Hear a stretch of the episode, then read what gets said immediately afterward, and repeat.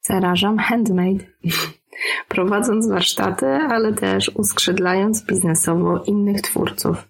Promuję warsztaty rękodzieła online jako oplotki, czyli plotki przy oplataniu.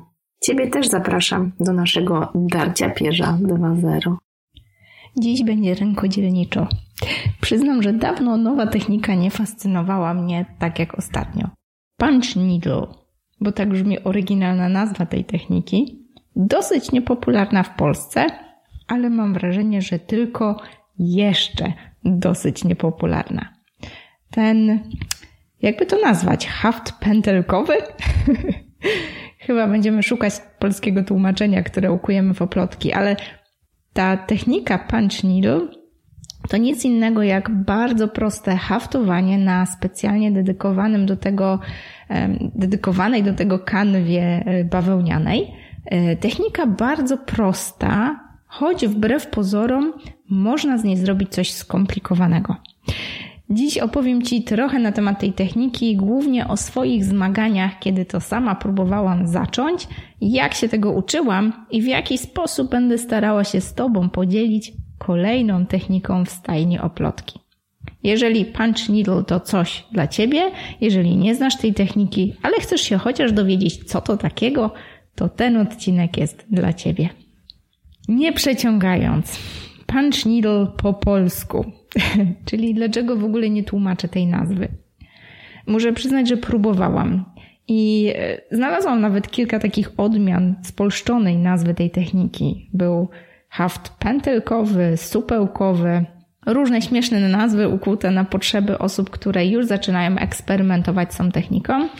Ale stwierdziłam, że chyba jest tutaj fajne pole do tego, żeby ukuć nową nazwę, trochę bardziej uwspółcześnioną i taką troszeczkę naszą, oplotkową.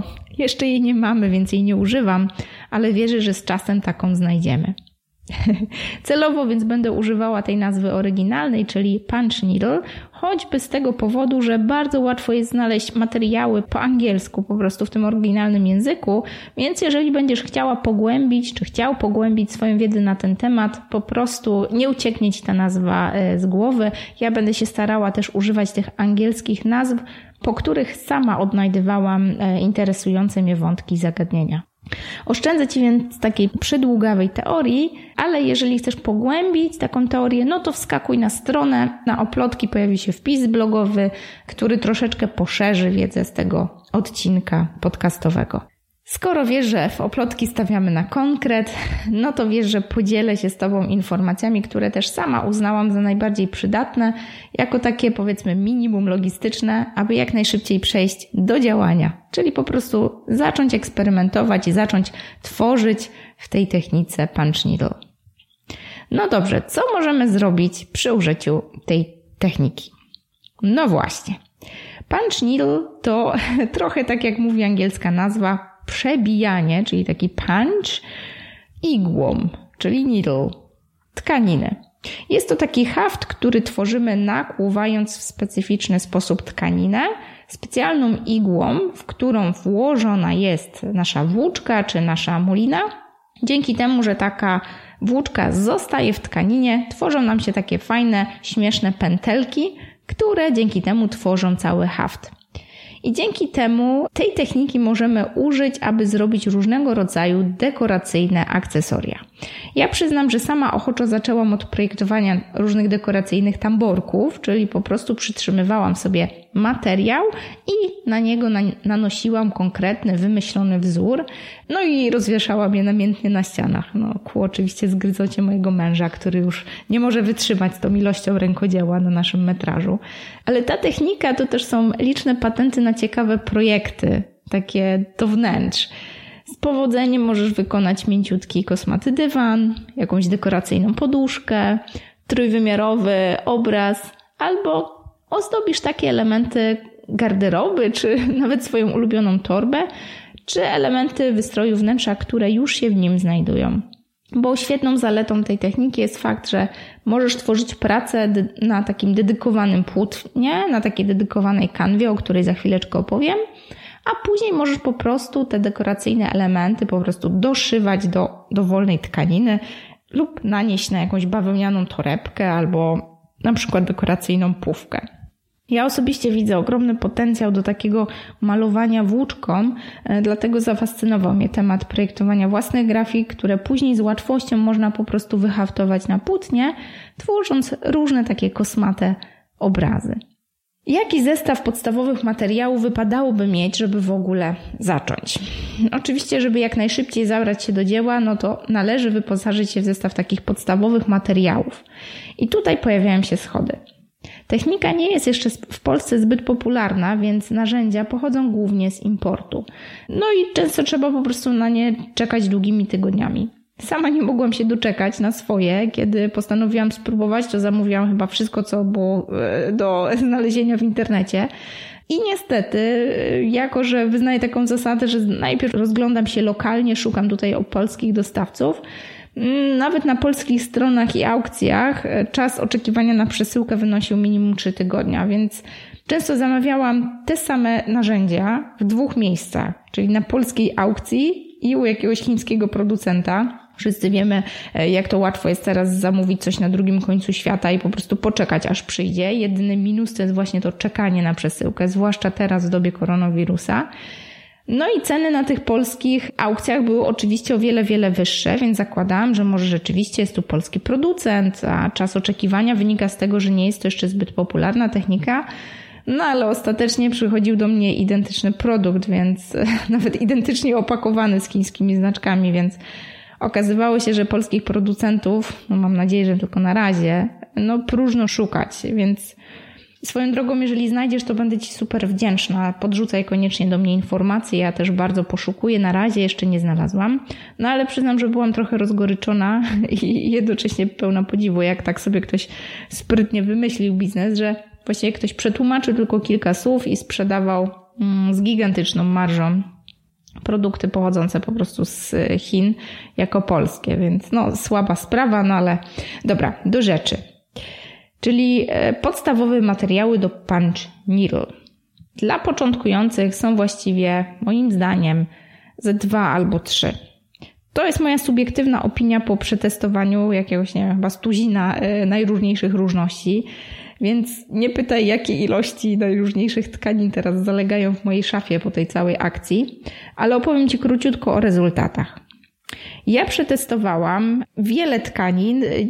Mam nadzieję, że prawidłowo je nazywam i ułatwi Ci to odnalezienie, bo w formacie podcastu jednak ciężko sobie zobaczyć tą tkaninę, ale w razie czego też odsyłam do artykułu na oplotki na naszym blogu ja tam umieściłam też zdjęcia, żeby łatwiej było po prostu sobie zobrazować to, o czym teraz Ci będę opowiadać. Testowałam len i tutaj różne rodzaje tego lnu. Był taki len tradycyjny, taki nieco ciemniejszy. Możesz spotkać wiele rodzajów tej tkaniny, ale ja też przetestowałam taki dedykowany len malarski, który używa się do tworzenia takich płócien malarskich. No i taki len biały, tak? E, on się dużo nie różnił poza kolorem, może troszeczkę też taką, taką spójnością tego materiału albo gęstością tych włókien. W każdym razie to wszystko był len. Niestety, o ile te tkaniny przy odrobinie wysiłku dało się spokojnie oswoić, pracując niewielkim rozmiarem takiej specjalnej igły, o igłach za chwileczkę opowiem, więc daj mi trochę cierpliwości o tyle nie sprawdzały się te materiały w przypadku różnych mięciutkich włókien, takich włóczkowych typowo materiałów, które niestety wymagają grubszej igły, która musiałaby przebijać taki materiał. Myślę, że dla bardziej wprawnych dłoni spokojnie da się tworzyć na takich lnianych tkaninach, ale zdecydowanie odradzam Ci, jeżeli jesteś osobą początkującą, tak jak ja byłam na początku i przyznam, że przeprosiłam się z tym materiałem dopiero kiedy już sprzątałam przepastną szafę podczas tego całego testowania i sięgnęłam po ten materiał ponownie, kiedy już troszeczkę tej techniki się nauczyłam, poeksperymentowałam, wiedziałam jak zachowują się poszczególne narzędzia i mogłam troszeczkę lepiej opanować tą dosyć trudną tkaninę. E, trochę lepiej zachowywał się natomiast len tapicerski. To jest taki bardzo gruby materiał i on jest mięciutki z jednej strony, taki, taki jakby podbity z jednej strony, ale ma z drugiej strony takie charakterystyczne chropowatości, wyglądające właśnie jak taki zwykły len. On się sprawdził o wiele lepiej, zwłaszcza, że przepięknie wygląda i z prawej i z lewej strony, więc Trudno mi go dosyć opisać, ale najlepiej zrobią to chyba zdjęcia, więc tym bardziej odsyłam Cię do artykułu. Przyznam, że przy dużym wysiłku trzeba było pracować, trzeba było mocno wbijać igłę, nawet taką dosyć cienką. A przy grubej igle, no to rzeczywiście ta praca to już była taka udręka i zmęczenie dla dłoni. Ale czystą przyjemnością okazała się praca taką cieniutką igłą i najzwyklejszą muliną. Taką pracę serdecznie Ci polecam, zwłaszcza no, jeżeli jesteś na przykład fanką różnych broszek, czy naszywek, czy takich łatek, które lubisz przyczepiać, nie wiem, do swetrów, e, koszulek, marynarek, czy nawet gdzieś na jakieś czapki z daszkiem. Ja uwielbiam, ostatnio mam wielką słabość do różnego rodzaju broszek, takich haftowanych różnymi koralikami i tutaj ten haft stał się dla mnie taką alternatywą, tylko że mięciutką. Więc w przypadku lnu tapicerskiego ten obiekt, który na nim wyhaftujesz, jest bardzo łatwo wyciąć, bo materiał ten się nie strzępi. W momencie, kiedy go wytniemy, nawet jakiś taki bardzo precyzyjny kształt, on się dalej nie strzępi, nie pruje i bardzo łatwo jest wtedy po prostu przyszyć taką gotową pracę wyciętą do jakiegoś innego elementu, albo nawet w rodzaju jakiegoś kleju na gorąco przykleić do jakiejś lampy albo szafki. Więc len tapicerski jak najbardziej polecam. On nie jest tak drogi jak taki dedykowany materiał, o którym za chwileczkę opowiem, ale spokojnie do nauki i testowania, zwłaszcza przy zwykłej mulinie i dosyć cienkiej igle, spokojnie zdaje egzamin. Kolejny materiał to już ten docelowy. Kanwa do haftu krzyżykowego. To taki materiał, na którym testowałam i sprawdzałam, jak działa. I rzeczywiście, o ile bardzo wiele osób, które haftuje haftem krzyżykowym, zna ten materiał, on jest dosyć niedrogi, korzysta z niego, bardzo łatwo go kupić, o tyle sprawdzał się jedynie w przypadku właśnie cieńszego narzędzia i muliny. I tutaj haftowało się już dosyć wygodnie. Jednak niestety przy grubych igłach i takich kosmatych włóczkach niestety kanwa się rwała, tworzyły się dziury, materiał już nie zostawał na swoim miejscu i rzeczywiście no nie była to komfortowa praca, więc kanwa do haftu krzyżykowego tak, jeżeli chcesz pracować cienką igłą i muliną, ale zdecydowanie nie, jeżeli chcesz pracować włóczką. No ja jestem tym typem, który uwielbia grube rozmiary, duże rozmiary, pracę z rozmachem, więc niestety kanwa nie była dla mnie e, satysfakcjonująca. Taka kanwa do haftu krzyżykowego to niekoniecznie było coś dla mnie. Sprawdziła się tutaj natomiast zwykła juta. Tutaj już było o wiele łatwiej pracować taką grubą włóczką. Rzeczywiście udało się nawet stworzyć jakiś taki prosty wzór serduszka i dosyć nieregularnie go wykonać. Efekt był, chociaż może daleki od idealnego, to jednak sama praca wygląda całkiem przyzwoicie.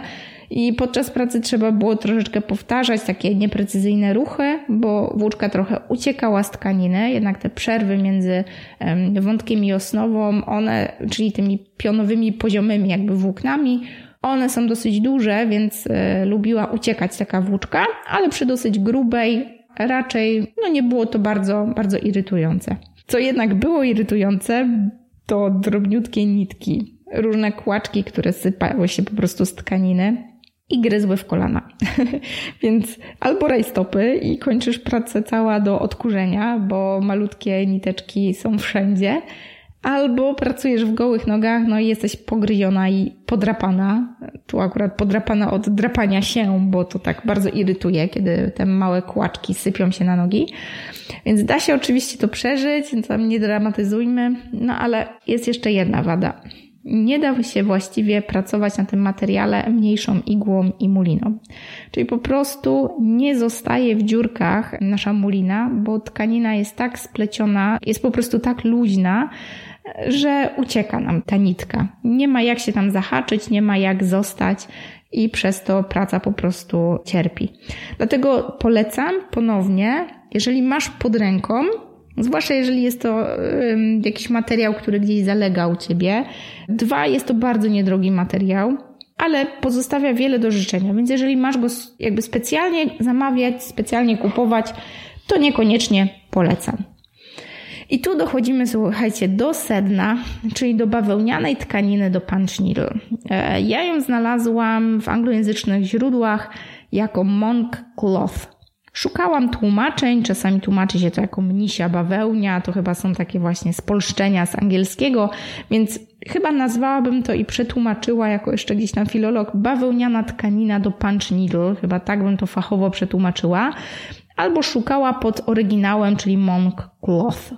Nadaje się idealnie. Mam wrażenie, że jest to tkanina stworzona do tej techniki. Niezależnie czy gruba igła, czy e, właśnie gruba igła i puchata włóczka, czy cieniutka igła i mulina, jak najbardziej praca to jest przyjemność.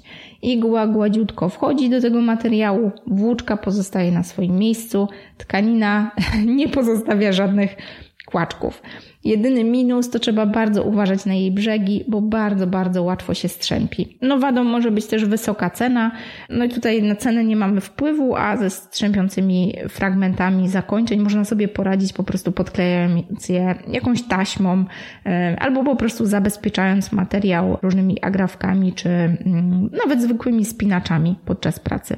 No i oczywiście, skoro odkryłam bawełnę, tak powiedzmy zwykłą bawełnę, która po prostu ma takie pionowe, poziome nitki, czyli ten wątek i osnowę, pomyślałam sobie, no kurczę, może da się znaleźć coś, co nie będzie kosztowało ty, tylu złotówek, takiego majątku, a mimo wszystko będzie sprawiało, że praca jest na tyle komfortowa, jak właśnie w przypadku tej bawełnianej tkaniny.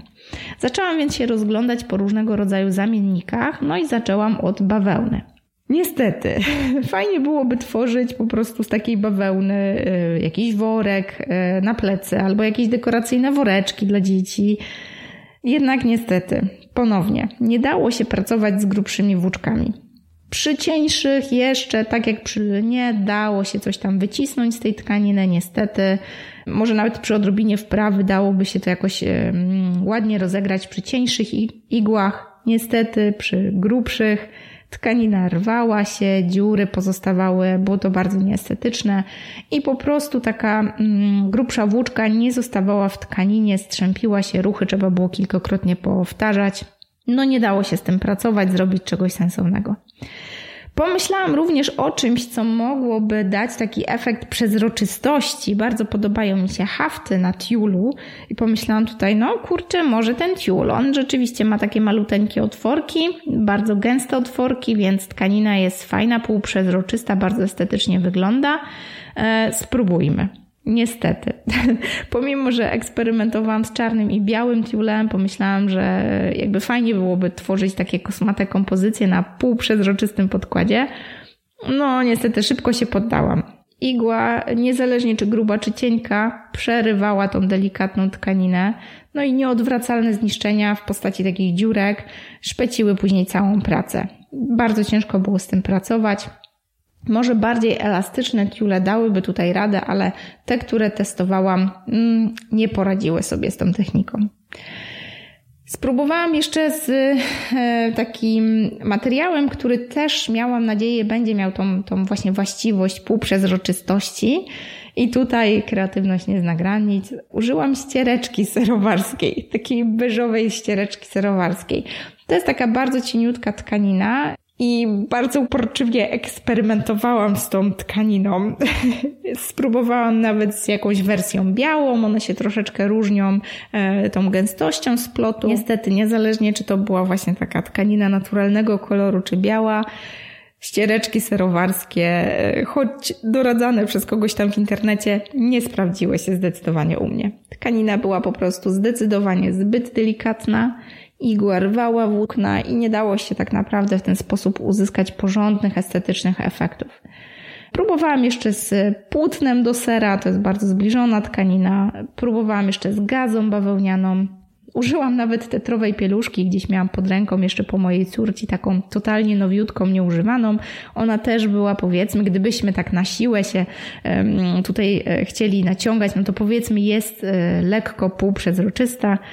Jednak te tkaniny może przy dużym wysiłku mogłyby się nadać do haftowania jakąś cieńszą igłą, ale totalnie poległy przy próbach pracy włóczką i takim no, grubaskiem, e, czyli taką kosmatą włóczką i grubą igłą. Dziury się nie trzymały, e, włóczki, tak, nie trzymały te dziurki, po prostu włóczki nie zabezpieczały jej w tkaninie. całość sprawiała wrażenie nieestetycznie wykonanej próby, a nie ostatecznej pracy. Ja testowałam jeszcze kilka tkanin, różnych grubszych, cieńszych, które po prostu miałam gdzieś tam w szafie pod ręką, ale e, przyznam szczerze, że nie zapisywałam, e, jak, e, jakie są nazwy tych tkanin w momencie, kiedy je kupowałam, więc teraz nie chciałabym tutaj wprowadzić Cię w błąd. Przyznam tylko, że po prostu były za grube, za sztywne, wymagały tyle siły, że no, nie wyobrażam sobie, żeby tworzyć choćby jakieś podstawowe kształty na takich tkaninach, nie mówiąc już o całej kompozycji czy jakimś zaawansowanym wzorze techniką punch needle. Więc przejdę konkretnie do igieł, czyli również jednego z podstawowych narzędzi, które już służy do tworzenia wzorów. Zaczęłam od materiału, bo myślę, że może być tak, że sprawisz sobie przepiękną igłę, super fachową, ale drobny element, jakim jest nieodpowiednio do, dobrany materiał, może sprawić, że się bardzo zniechęcisz. U mnie tak było. Dopóki nie miałam pojęcia, jak ważny jest y, odpowiedni materiał, czyli monk cloth, czyli ta taka bawełniana tkanina do punch needle, typowo dedykowana do tej techniki, Właściwie żadna igła e, no, nie pracowała w moich dłoniach tak, jakby to można było oczekiwać i zastanawiałam się, jak to się dzieje, że e, gdzieś tam w tych anglojęzycznych materiałach, nawet na jakichś wideotutorialach, artystki pracują tak delikatnie, wygląda to na bardzo proste, a mi tutaj w ogóle nie chce wychodzić. Dlatego zaczęłam od materiału. Pamiętaj, igła, właściwie nawet taka na chwilę to powiem, e, nawet taka najzwyklejsza, najtańsza, jakaś taka plastikowa, chińska, naprawdę potrafi dawać radę, jeżeli tylko masz odpowiedni materiał. Ale oczywiście za chwilę Ci opowiem, są przepiękne igły e, różnych producentów i tutaj też można wybrać coś odpowiedniego dla siebie. Więc zacznijmy o igłach do punch needle. I tutaj nie stresuj, bo opowiem krócej. E, ja postanowiłam zrezygnować z opisywania jakiejś plastikowej tandety, tak jak Ci wspominałam na początku. Zamówiłam tego całą masę, chciałam po prostu przetestować wszystko, co w, tamtym momencie było na rynku ale niestety niektóre rzeczy już docierały do mnie uszkodzone, więc to tylko świadczy o tym, jaka to jest tandeta. Będą mnie chyba dręczyć koszmary do końca życia, jak zanieczyściłam planetę tymi materiałami. Oczywiście szło gdzieś to tam z Chin, więc to raz, że po prostu bardzo nieekologiczne podejście, ale dwa, po prostu była to taka tandeta, która albo w trakcie przesyłki, albo już w moich dłoniach po prostu się rozsypała. Były tam często wszystkie elementy plastikowe i tylko igła gdzieś tam metalowa. Znalazłam nawet jeden element, który był cały plastikowy i on właśnie już nawet nie dotarł do mnie w całości. Ale dodaję tutaj informację, żeby ostateczny wybór pozostawić Tobie, ale też nie generalizować, bo znalazłam jedną igłę, która jest jakby cała plastikowa i tylko ten element już ostateczny, czyli ta, ta docelowa igła, to jest metal, ale świetnie sobie radziła w pracy. Ja do, do, teraz jej używam. Może nie wygląda zbyt spektakularnie i też ściga mnie gdzieś wyrzut sumienia, że takim plastikiem w ogóle e, się posługuje i tutaj gdzieś Tobie polecam ale rzeczywiście radzi sobie świetnie, więc wierzę, że można tego narzędzia używać dłużej i powiedzmy, no nie jest to może przepiękne drewienko albo e, taki bardziej ekologiczny materiał typu metal, no ale jednak da się tym pracować, więc wybór e, należy już później do Ciebie. Mm. Dlatego podsumowując dosyć krótko, ciężko oczywiście opowiedzieć tu o igłach, super jest je zobaczyć, więc znowu odsyłam Cię do artykułu, ale podzieliłabym te igły na takie dwa główne rodzaje. Mamy igły, które są igłą wraz z rękojeścią i otwór przebiega jakby przez cały środek igły i też przez całą rękojeść, czyli całe narzędzie jest tak jakby przedziurkowane od góry do dołu. Ale mamy też takie igły, które dodatkowo mają jeszcze takie nacięcie przez całą długość narzędzia. I teraz te dwa rodzaje igieł różnią się tym, że przy tym pierwszym potrzebujesz jeszcze takiego nawlekacza, e, czyli takiego narzędzia, które pomoże Ci wprowadzić włóczkę do tego otworu. Natomiast w przypadku tych drugich już takiego narzędzia nie potrzebujesz, po prostu bokiem umieszczasz taką nić czy włóczkę w narzędziu i to jest bardzo komfortowe podczas pracy.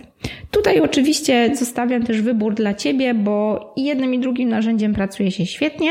E, jedna jeszcze charakterystyczna rzecz, e, w takiej właśnie igle do punch needle Dodatkowy otwór znajduje się na samym końcu tej igły i tam trzeba przewlec tą naszą włóczkę przez taki otwór, więc ten przyrząd do przewlekania, nawet jeżeli nie jest potrzebny, bo przez całą długość tak jakby możesz po prostu włożyć wygodnie włóczkę, no to przydaje się w tym momencie, kiedy trzeba to ostatnie oczko nawlec, więc taki element, który można też zrobić samemu z, po prostu z cieniutkiego drucika i jakiegoś kawałka papieru, który skleisz, spokojnie można też sobie gdzieś tam e, w pogotowiu mieć. Często może do, do tego posłużyć taki element, który używasz podczas szycia do nawlekania zwykłej igły, więc niekoniecznie trzeba specjalnie kupować.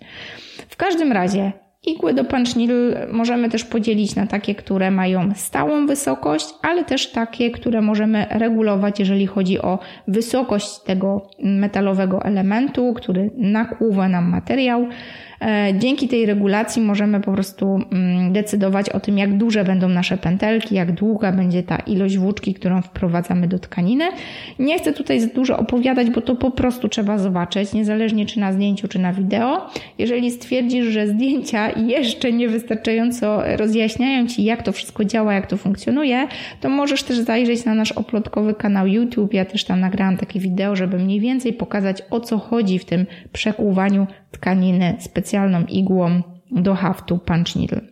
I tutaj Ostatnia rzecz, jeżeli chodzi o takie akcesoria, oczywiście przyda się kilka takich podstawowych rzeczy, ale nie uznaję ich jako dedykowane do punch needle, typu taśma, którą możemy sobie zabezpieczyć materiał, jakieś przybory do pisania na materiale, może coś, czym e, narysujesz sobie wzór, który później chcesz wyhaftować. To są raczej takie domyślne rzeczy, ale przy punch needle zdecydowanie przydaje się tamborek, czyli coś kluczowego dla wygody pracy. Ważny jest sposób zablokowania tkaniny. Tak jak w przypadku takiego zwykłego, klasycznego haftu, przyda się najzwyklejszy tamborek, dzięki któremu tkanina uzyska po prostu sztywność. Całość pracy będzie Ci po prostu bardzo łatwo złapać, trzymać w ręku. W przypadku punch needle jednak dobrze, żeby taki tamborek był bardzo duży. Przynajmniej tak duży jak cała nasza praca plus odrobina buforu. Dlaczego? Bo cała planowana grafika dobrze, żeby mieściła się w obręczy, bo gotowe fragmenty pracy będą bardzo, bardzo mięsiste. Będą miały bardzo dużo właśnie tych pętelek tego, tego materiału, tej włóczki i po prostu ich przesuwanie i blokowanie później w tamborku, czyli takie ściskanie, przesuwanie, mogłoby po prostu uszkodzić całą Twoją pracę. Więc polecam Ci e, przemyśleć, jak duża ma być Twoja praca. Oczywiście może być malutka, wtedy wystarczy mały tamborek, ale postaraj się tamborek dobrać tak, żeby był nieco większy niż Twoja planowana grafika, planowana praca. Możemy też zdecydować się na taką e, ramę, tak? Tutaj się śmieję, że możemy malować obrazy włóczką, coś co mnie bardzo kręci osobiście, ale tu tylko taka podpowiedź. Wcale nie musisz używać tamborka, możesz materiał, na którym będziesz haftować tą techniką, usztywnić zupełnie tak, jakbyś tworzyła na kanwie, na płótnie, jakbyś tworzyła obraz. Możesz oczywiście wykorzystać jakieś tam wprawne dłonie, czy to pomocnika, czy swoje, aby stworzyć taką ramę, zwykły taki prostokąt. Ale jeżeli też nie wiesz, jak się za to zabrać, możesz po prostu użyć gotowego obrazu, który um, po prostu rozbroisz na kawałki, czyli ściągniesz płótno, a założysz na ten obraz to prawidłowe płótno, czyli tą bawełnę do punch needle i w ten sposób powstaje Ci taka kanwa, taki obraz, na którym już będzie Ci bardzo łatwo pracować. Ze względu na to, że sama wydałam krocie na testowanie, eksperymentowanie i próbę przekonania się, czy w ogóle warto zacząć technikę punch needle, stwierdziłam, że pewno nie jestem jedyna i może tutaj jestem w stanie przyjść z jakąś pomocą. Jako, że wciągnęła mnie ta technika bez reszty, przyznam, że dawno nie łapałam siebie na tym języku wystawionym na bok z ust, jak w przedszkolu. Co prawda, szydełkowanie też daje mi ten stan, ale coraz trudniej jest mnie czymś nowym zaskoczyć. O tyle punch needle to dosyć nowa, dosyć nieznana technika i pomyślałam sobie, że jeżeli ty też chcesz zacząć, to może oszczędzę Ci tej drogi e, wydatków i frustracji i czasu czekania na poszczególne przesyłki, i stworzyłam taki zestaw podstawowych materiałów, które mogą Ci skrócić tą drogę i dać szansę spróbować tej techniki, zanim jeszcze wydasz majątek na najróżniejsze materiały do eksperymentowania i pogłębiania wiedzy na ten temat. Zachęcam Cię, żeby skorzystać z takiego prostego zestawu, który stworzyłam na naszych oplotkach który zawiera po prostu dwa, trzy takie podstawowe materiały, o których tutaj wspomniałam. Oczywiście jest tutaj w zestawie ten Monk Cloth, czyli ten najważniejszy, docelowy, optymalny materiał, ale umieszczam zawsze dwa, trzy, żeby jeszcze poeksperymentować. Do tego dodaję Ci tamborek, oraz igłę tkacką i oczywiście muliny lub jakieś włóczki, żeby przetestować sobie różne grubości takich igieł i zdecydować, którymi po prostu pracuje Ci się wygodniej. Czy wolisz malutkie obrazy, drobniutkie takie dziubanie e, muliną i cienką igłą, czy może tak jak ja preferujesz e, wizję z rozmachem, grube kosmate włóczki i materiał, który pozwala na tworzenie takich dużych, śmiałych, ale też szybkich kompozycji, dzięki temu, że materiał jest po prostu duży, gruby i mięsisty. Zachęcam Cię, żeby spróbować i przekonać się, czy to punch needle to jest w ogóle technika dla Ciebie. Ja wierzę, że jesteśmy w stanie jako oplotki tutaj popularyzować takie mniej znane techniki, kto wie, może Ciebie też ta technika wciągnie. Jeżeli tak, koniecznie się pochwal. Jeżeli znasz już tą technikę, może spotkałaś czy spotkałeś się z nią już kiedyś, nam udało się dotrzeć do historycznych igieł, jeszcze z takimi napisami na maszynie, gdzieś tam sprzedawane w starych pasmanteriach, więc wiem, że ta technika była obecna w Polsce. Ciężko znaleźć mi jakiekolwiek materiały źródłowe, czy publikacje, czy nawet właśnie takie historyczne igły. Więc jeżeli na Twoim strychu albo w szufladach z przydasiami zalegają takie rzeczy, które mogłyby być mm, związane z techniką punch needle, to koniecznie się pochwal, koniecznie kontaktuj się ze mną na agnieszkamałpaoplotki.pl. Może okaże się, że punch needle w Polsce było dużo, dużo wcześniej, tylko po prostu nikt o tym nie wiedział. My przyjęłyśmy to sobie jako taką osobistą e, misję, sprowadzić tą technikę tutaj do nas, do Polski, bo widzimy, że za granicą rzeczywiście i możemy spotkać bardzo dużo materiałów na ten temat i możemy spokojnie kupić coraz to bardziej zaawansowane, coraz ładniejsze, coraz bardziej designerskie i też świadome, że tak powiem ekologicznie materiały, igły, czy, czy nawet kanwy, czy tamborki. Natomiast w Polsce ta technika ciągle jeszcze nie jest zbyt popularna i wierzymy, że może dołożymy swoją cegiełkę, żeby była. Niewątpliwie frajda stworzenia tą techniką jest wielka, nie jest bardzo skomplikowana, bardzo szybko uzyskujemy dosyć spektakularne efekty. Oczywiście tworzymy elementy wystroju wnętrza lub sztukę użytkową, więc bardzo łatwo się tym pochwalić, pokazać, i zobaczyć, jaki będzie odzew naszej społeczności czy domowników, więc tym bardziej zachęcam Cię, żeby też poeksperymentować. Jeśli czujesz, że chcesz spróbować, oczywiście wskakuj po nasze boksy, zobacz, jak one wyglądają, zobacz zdjęcia. Jeżeli chcesz doczytać na temat tego, o czym Ci dzisiaj opowiadałam, wskakuj do artykułu na naszym blogu, oczywiście jest bezpłatny.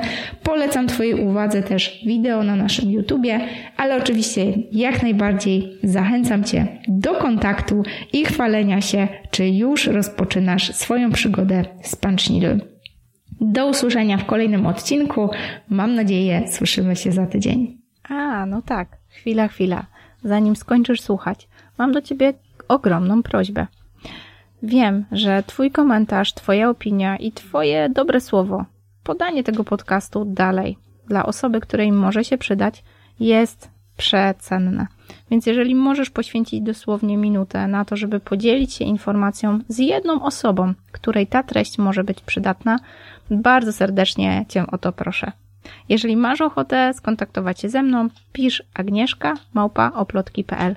A jeżeli masz dosłownie ułamek chwili, podziel się tą informacją i puść ją dalej w świat. Wierzę, że dobro zawsze wraca. Warto się z nim dzielić.